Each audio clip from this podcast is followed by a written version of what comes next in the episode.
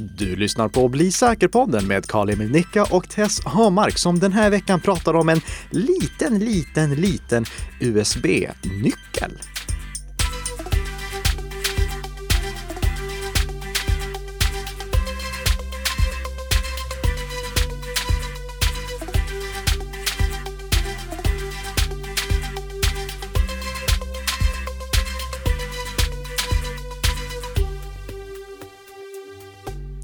Ja, varmt välkomna till Bli säker-podden och god morgon Tess Hamark där på andra sidan mikrofonskärmen. Ja men god morgon Nicka, hur är det? Det är alldeles utmärkt. Har du haft en bra vecka också? Ja det har jag. Lite Varit ute och- ledighet och sådär. Ja, varit Ja. ute och demonstrerat mycket misstänker jag på första maj. Oh, om jag har. Ja. Nej det har jag faktiskt inte. Nej. Jag måste börja det här avsnittet med att be om ursäkt. Alltså, För att förra veckan, då fanns ju inte Bli säker-podden i lyssnarnas poddspelare när de eh, åt frukost eller åkte till jobbet. nej det har du rätt i. Det dök först upp på eftermiddagen. Eh, och det var mitt fel. Eh, ehm, jag hoppas att ni inte missade avsnittet, men eh, det, det, det blev tyvärr försenat fram till eftermiddagen för att på torsdagen så hade jag en föreläsning om nätfiskeattacker där jag gick runt och var väldigt social. Eh, och det blir man ganska trött av. Och sen när jag kom hem, då eh, tänkte jag, att jag sätter mig och klipper podden från soffan. Och du kan inte ana vad som hände sen. Jag tror faktiskt att alla begriper vad som händer sen. Eh, datorn höll, kan jag säga. gjorde det, ja. så- Så det, det var tur det i alla fall. Eh, men podden blev lite försenad och eh, förhoppningsvis ska det inte upprepas. Jag får fundera på att inte boka in föreläsningar på torsdagar Det låter framöver. klokt.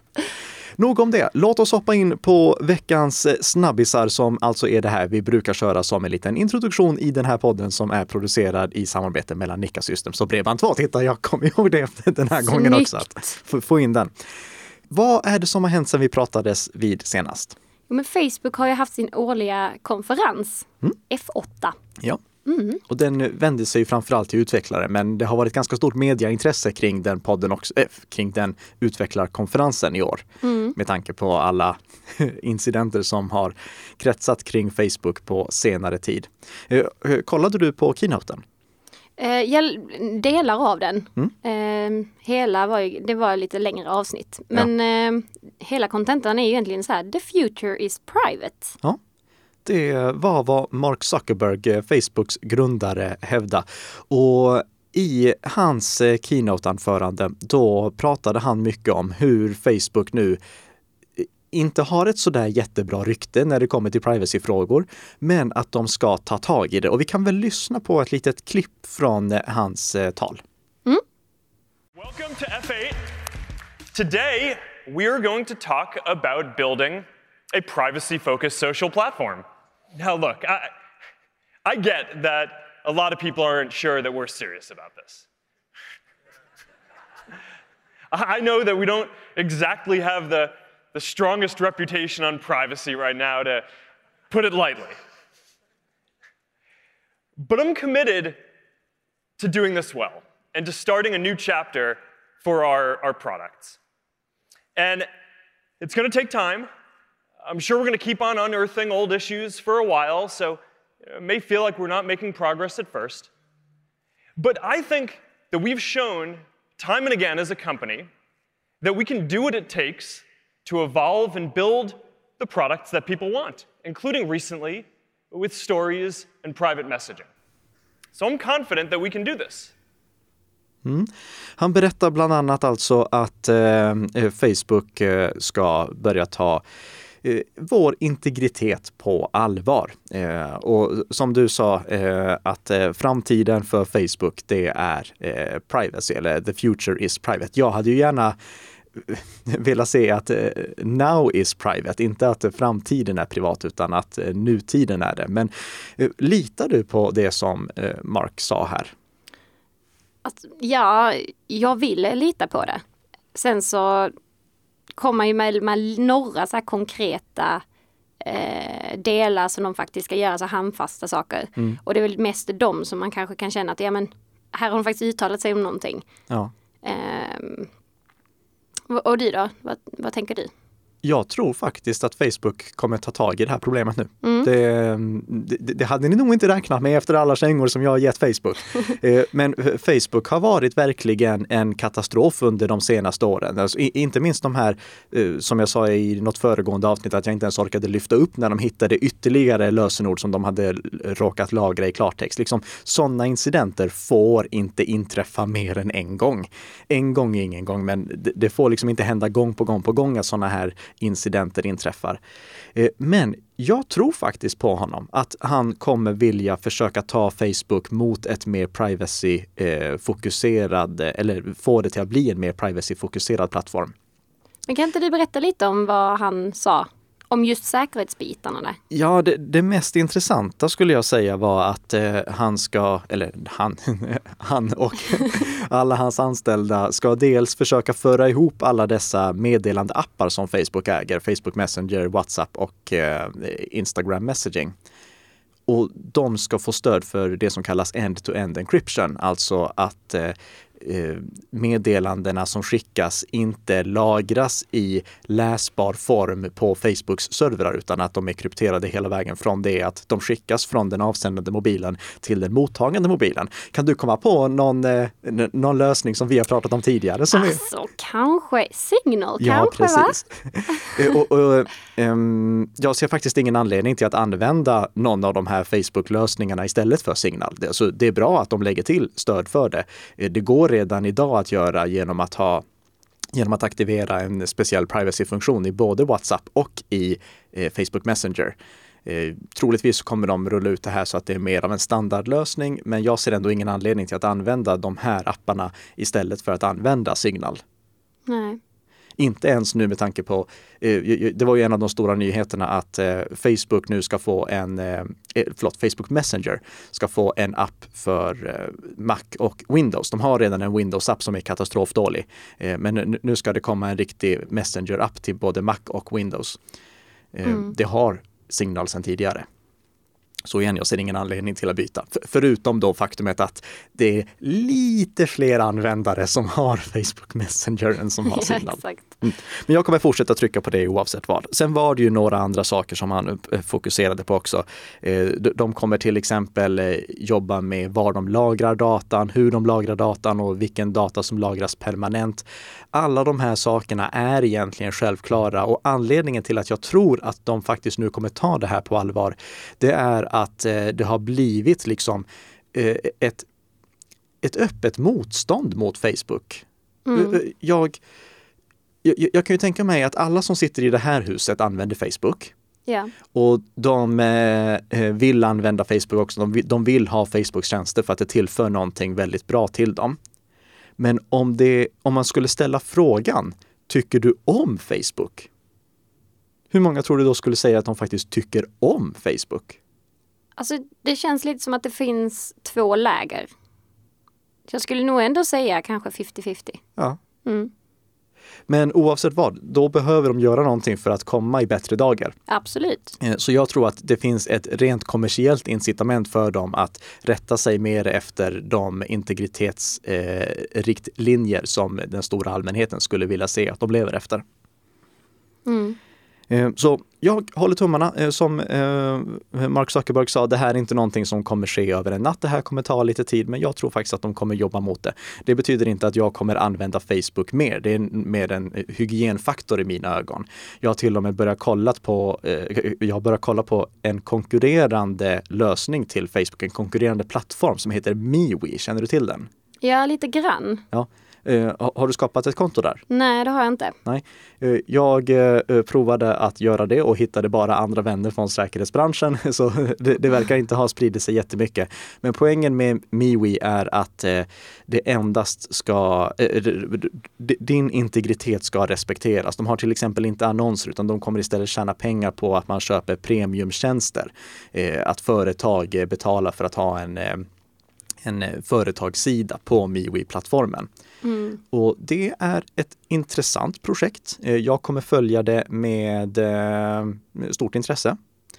Eh, ni får jättegärna lägga till mig på MeWe om ni vill göra det också, om ni vill ha fler användare där. Men det finns vissa saker som jag bara inte begriper. Till exempel förra avsnittet, då pratade vi om tvåstegsverifiering. Mm. Och vikten av att ha tvåstegsverifiering på känsliga konton som till exempel ditt e-postkonto och ditt, dina sociala medier. Ja. Tror du att MeWe stöder det? Nej. Nej. Och det är ju Varför så... inte det? Ja, det, det, är för mig smått obegripligt att de rullat ja. ut tjänsten utan att ha stöd för det från första början. De kommer dock att erbjuda det om du köper deras premiumpaket. Och som jag sa, de tjänar pengar på att du köper eh, extra tjänster istället för att eh, tjäna pengar på reklam. Men det är ju helt orimligt i mina ögon att de tar betalt för säkerhetstjänster. Säkerhetstjänster, yeah. de kan ta betalt för att jag ska få skicka emojis eller någonting sånt. Men de kan ju inte ta betalt för säkerhetstjänster när det är ett socialt medie. Ett socialt medie bygger ju på att alla är säkra. Ett socialt medie bygger på kommunikation och där har vi alltid flera parter. Ja, ja. Så att bara jag är säker, det hjälper inte mig. Alla äh, måste vara säkra. Mm. Så Eh, det, var verkligen en besvikelse att se att de inte stödde eh, tvåstegsverifiering eh, överhuvudtaget just nu och att de i framtiden bara kommer stödja det för de som faktiskt väljer att betala för att få det. Mm. Um, har du mer att lägga till om uh, F8? Um, inte som vi hinner med nu, för tiden springer iväg. Men det, det, var egentligen de viktigaste sakerna från F8 i mina ögon. Mm. Mm. Eh, sen har vi då eh, NordVPN. Ja. ut någon eh, artikel mm. kan säga, det... om Ping of Death. Ja. Tänk dig att det finns ett kommando som man kan skicka till din dator över nätverket som får den att krascha. Det låter hemskt, eller hur? Ping of Death. Mm. Och det här, det varnar då NordVPN för. Och NordVPN, det är en av de större eh, VPN-tjänsterna i världen. Vi kommer ha ett eget avsnitt där vi pratar om VPN, men eh, NordVPN det är en av de större. Inte en jag skulle rekommendera, men eh, det är ändå en av de större. Och jag hittade det här blogginlägget där de varnar för det och ger tips på hur man undviker att bli drabbad av det här fruktansvärda ping of death. Eh, där de bland annat tipsar att man ska uppdatera sitt operativsystem för att alla, eh, eller förlåt, eh, merparten av de populära operativsystemen är skyddade mot ping of death. Det är en underdrift. Vet du när ping of death var ett problem? 20 år sedan. Ja, Precis. det, det, det, här är helt otroligt. Eh, mm. Jag, jag, lägger med en länk till originalsidan där det varnades, alltså den som upptäckte Ping of Death och skrev en artikel om det. Eh, bara gå in på den sidan för den är liksom så otroligt 90-talig att kolla på. Men den var väl skriven 97 va? Ja, precis. Ja. Det, så, så eh, Behöver du som lyssnare oroa dig för Ping of Death? Absolut inte om du inte kör Windows 95.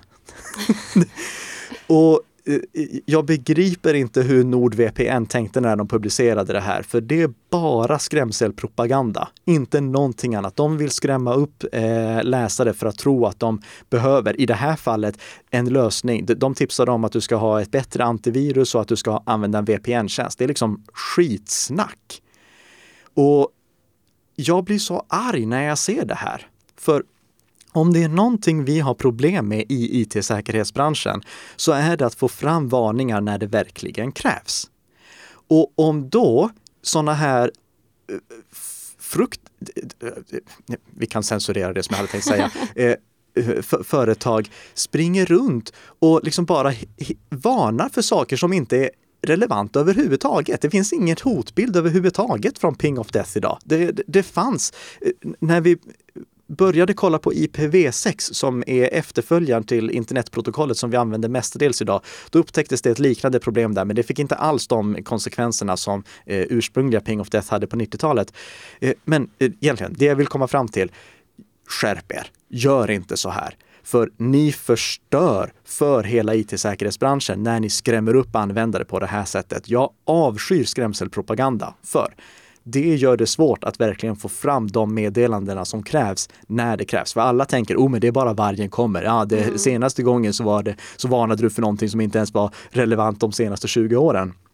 Så jag hoppas att ni inte upplever att vi i den här podden någon gång använder skrämselpropaganda och att när vi säger att någonting är väldigt viktigt att göra, som till exempel att det är extremt viktigt att uppdatera WinRAR om du har WinRAR på din dator, då menar vi det inte för att det var ett problem för 20 år sedan, utan för att det är ett problem nu.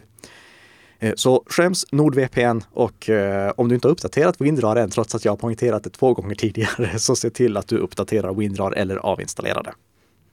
Mm. Sen finns det en sak till som jag vill lyfta upp bara för att eh, jag satt och slösurfade lite här på Facebook medan vi väntade på att det skulle sluta borras på våningen ovanför. Vi ska se här. Det var en diskussion som fanns i säkerhetsbubblan. Du är med i säkerhetsbubblan va? Det är jag. Ja. Eh, Rekommenderar alla att gå med faktiskt. Ja, eh, det är en Facebookgrupp som drivs av Nika Systems och kryptera.se där vi diskuterar säkerhetsfrågor. Och där var det bland annat en artikel som delades där en tjej varnade för att det var en Snapchat-kapare som lurade av användarna sina användarnamn och lösenord. Och det raljerades ganska kraftigt över eh, den här artikeln tyvärr. Eh, och oftast är det väldigt bra ton, men ibland så eh, raljeras det över användarnas inkompetens. För självfallet, du får inte lämna ut ditt användarnamn och lösenord till någon. Det ska du aldrig göra under några som helst omständigheter. Men då var det en av våra medlemmar, Leif Nixon, som driver Nixon Security, som skrev en så fantastisk kommentar. Eh, till den här artikeln då som handlar om eh, att man inte ska lämna ut sitt användarnamn och lösenord och tjejen som hade gjort det. Då skriver han så här. Tänk så jävla korkade människor är. Inte minst vi i den här gruppen är jävligt korkade eftersom vi fortfarande inte lyckats säkra de här systemen så att vanligt folk kan använda dem på ett säkert sätt. Mm. Det är ju fantastiskt bra. Väldigt träffande. Eh, vi, jag, jag, har ju nämnt tidigare att lösenord är en oerhört dålig autentiseringsmodell, men eh, Leif Nixon sätter verkligen huvudet på spiken här med den kommentaren. Det här är ju egentligen ett problem som berör oss i IT-säkerhetsbranschen. Om vi inte lyckas erbjuda användarna ett säkert system som alla förstår och som de vet hur de ska göra för att hålla säkra, då är det ju vi som har gjort något fel egentligen. Mm. Så eh, hatten av till Leif för den kommentaren. Den förgyllde min morgon. Och då är det dags för veckans huvudämne. Mm. Och eh, vi kommer fortsätta lite på förra veckans avsnitt. Precis. Ja, så om tvåstegsverifiering om du har missat det. Eh, och då kan vi börja med att prata om vad vi gör, om, eller vad vi kan göra om eh, vi skyddar vårt e-postkonto med tvåstegsverifiering och vår e-postadress inte stöder det. Ja, e- eller e-postapp inte stöder det. E-postapp ja. inte stöder det, förlåt. Och, och det här är ett vanligt problem ifall man aktiverar tvåstegsverifiering på till exempel eh, sitt eh, Outlook-konto eller sitt Gmail-konto. För om man då använder en app som inte har stöd för tvåstegsverifiering, då kan man bara ange ett användarnamn och lösenord. Och som vi pratade om i förra avsnittet, när du loggar in med tvåstegsverifiering och använder till exempel Google Authenticator-metoden, då behöver du ange användarnamn, lösenord och en sån här tidsbegränsad sexsiffrig kod som bara är giltig i 30 sekunder. Men den koden finns det ingen plats att ange. Alltså det, det går inte att trycka in den i någon ruta. Det finns bara rutor för användarnamn och lösenord. Mm. Det här problemet drabbade till exempel eh, många användare som körde Apples inbyggda eh, e-postapp, eh, Apple Mail och hade Exchange-konton. För fram till förra versionen, eller nej, det var nog till och med den här versionen av MacOS, MacOS 10.14 Mojave, som la till stöd för tvåstegsverifiering på Exchange-konton. Mm. Fram till dess gick det inte att använda tvåstegsverifierade konton i de inbyggda mejlapparna, kalenderapparna och kontaktapparna i MacOS. Nu är det löst. Men det tog sin tid. Och fram till dess fanns det därför en annan lösning. Hur gjorde man då? Med applösenord. Precis. Mm.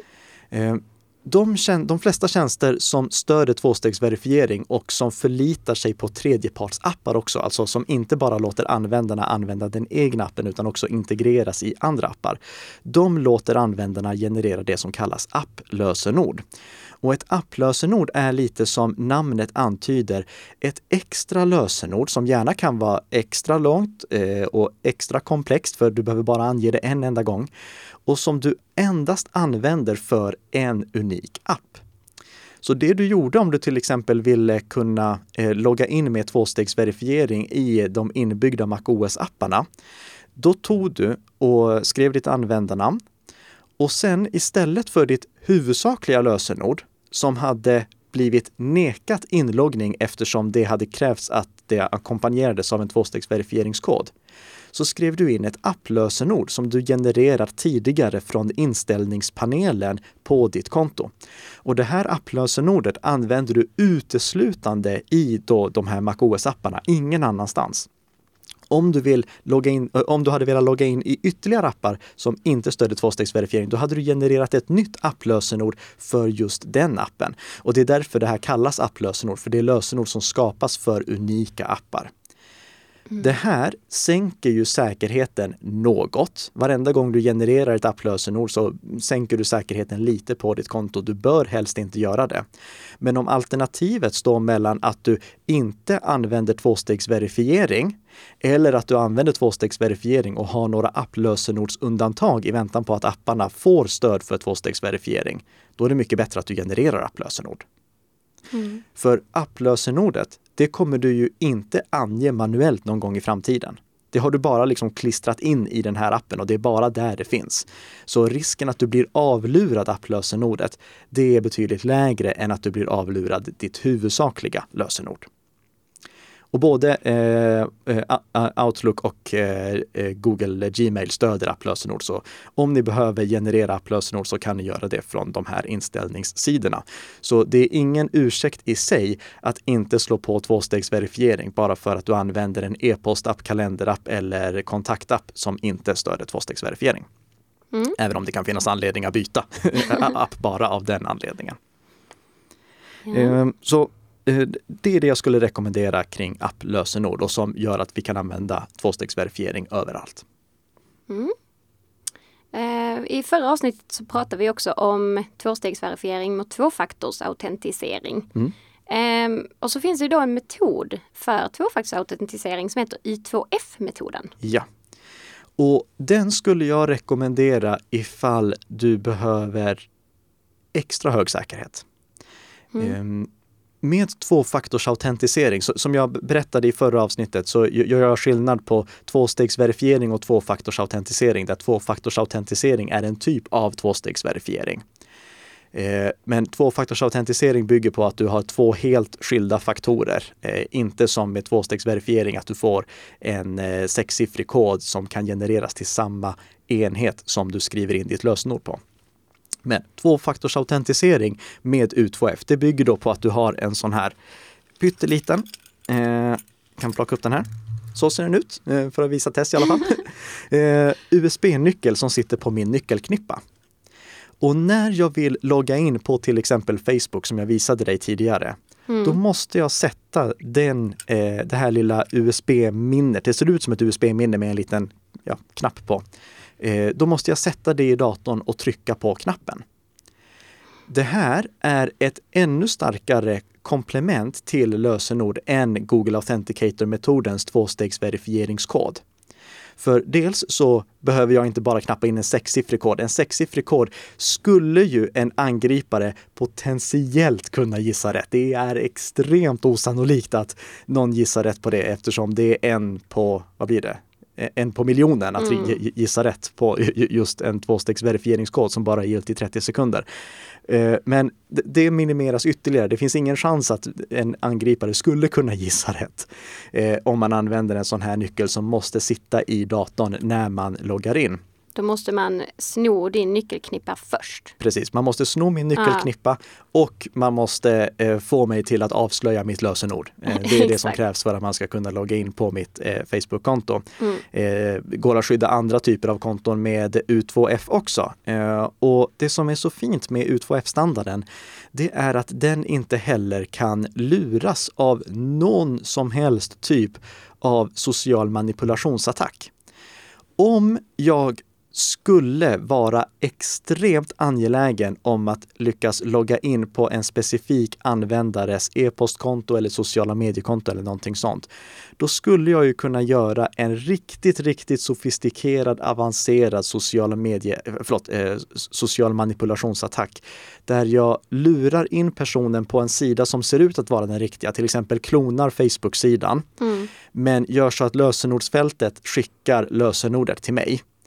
Och sen att eh, den här fejkade sidan visar en tvåstegsverifieringsprompt, alltså en, eh, en ruta där, an, där användaren Mm. uppmanas att skriva in sin tvåstegsverifieringskod som bara är giltig i, 60 sekund, i 30 sekunder. Och sen sitter jag och tar emot den koden och skriver in den samtidigt på min dator så att jag liksom kapar den personen i realtid. Det här är extremt osannolikt.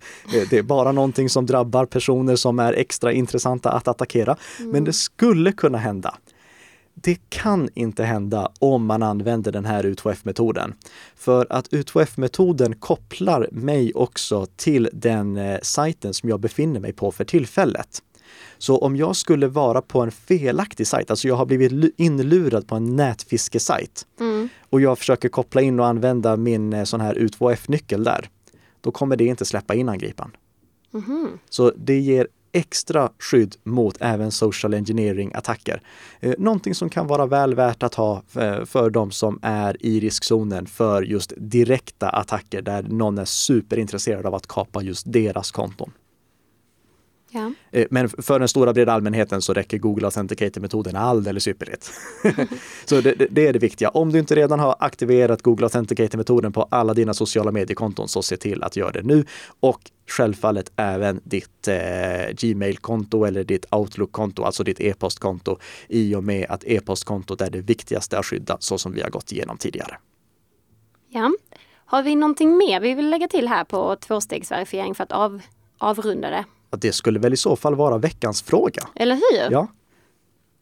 Och den kom väldigt passande med tanke på eh, ämnet. Det här är ju då en uppföljningsfråga på förra avsnittet. Exakt, och det är nämligen så att eh, Inger är tillbaka. Mm-mm. Mm-mm. Eh, och hon frågar om jag börjar med lösenordshanterare, ska jag då dessutom ha tvåstegsverifiering? Jag tycker den frågan är väldigt fint formulerad. Mm. Ska jag då dessutom ha det? Eh, ja, på dina viktigaste konton ska du ha det. En lösenordshanterare och en tvåstegsverifieringsapp, de skyddar dig på två väldigt olika sätt. Du kan ju bli avlurad ditt lösenord genom en sån här social manipulationsattack, en nätfiskeattack så som jag nämnde tidigare. Och då är det bra att du har en, eh, att du skyddar kontot med tvåstegsverifiering också. För även om du då skulle bli avlurad ditt lösenord så kan inte angriparen logga in om han eller hon inte gissar rätt på en på miljonen av vilken den aktuella tvåstegsverifieringskoden är för tillfället. Så ja, på de mest känsliga kontona, e-postkontot, sociala mediekonton, eventuella arbetsplatskonton, se till att aktivera tvåstegsverifiering där också så att de skyddas på bästa möjliga sätt. Och jag kan säga att anledningen till att vi behöver både ha starka lösenord och Google Authenticator-metoden till exempel, det är att både lösenord och Google Authenticator-metoden är i sig osäkra lösningar. Det är inga bra lösningar. Det är dåliga lösningar rent av. Oj, Ja, synd bara att det är det bästa vi har. ja. Eh, Men, men- bara för att återkoppla lite till det, det som Le- Leif Nixon sa tidigare. Eh, det- Det, vi har inte lyckats få ut en bättre lösning till den stora breda allmänheten. Om antingen lösenord eller eh, Google Authenticator-metoden hade varit tillräckligt säker i sig, då hade vi bara använt den. Det, det finns alltså ingen poäng i sig med att ha två faktorer eller två steg man måste gå igenom om ett av stegen eller en av faktorerna är tillräckligt säker i sig. Eh, ta BankID som exempel. Mm. BankID är en singelstegsverifieringslösning, enstegsverifieringslösning. Yeah. Och den är tillräckligt säker i sig. Så den kan vi använda. Mm. Där, där, behöver vi inte komplettera den med någonting ytterligare. Ehm, det finns en eh, tjänst som eller, eller, en lösning som kommer lanseras i år efter många års väntan som heter Squirrel, SQRL, som vi kommer ha ett helt eget avsnitt om. Det visste inte du förresten Nej, jag att jag vill ha ett helt härligt. eget avsnitt. men, men, den vill jag jättegärna ha ett helt eget avsnitt om också. Mm. Eh, jag har inte lagt in det i vår Trello så du, du kunde inte se det. Eh, men, men det, det, skulle jag jättegärna vilja ha ett helt eget avsnitt om. Vi kan, vi kan bestämma det. Vi Tack. har det. Tack. Ja. Eh, och anledningen till det, det är att eh, Squirrel är en tillräckligt säker lösning för att vi ska kunna använda den för enstegsverifiering. Alltså den behöver inte kompletteras med någonting annat för att vara säker. Anledningen till att lösenord plus eh, Google Authenticator-metoden blir säkra tillsammans är att vi kombinerar dem och att vi går igenom två steg. Men Squirrel är säkert i sig, så där räcker det med en enstegsverifieringsmetod, precis mm. som med BankID. Men för att svara på Ingers fråga här. Uh. Ja, I och med att både lösenord och tvåstegsverifiering med Google Authenticator-metoden är inte tillräckligt säkra i sig så behöver du båda på de, lösenord, på, på de kontona som är mest värdefulla att skydda. Härligt. Och om du som lyssnar på den här podden också har en riktigt bra fråga, då tycker jag att du ska skicka in den till oss via sociala medier eller via kontaktformulären som vi har eh, i alla fall på Nika Systems webbplats där du kan nå oss. För om du får med din fråga som veckans lyssnarfråga, då får du bli säkerboken som tack. Så mm. passa på att göra det och prenumerera också på den här podden så att du inte missar ett enda avsnitt. Och tipsa en vän för då blir Tess jätteglad, eller hur? Oh, om jag blir! Ja, och om Tess är glad, då är jag glad också. Eh, vi hörs såklart nästa fredag igen. Tack så mycket för att du har lyssnat den här gången och på återhörande. Hej då! Hej då!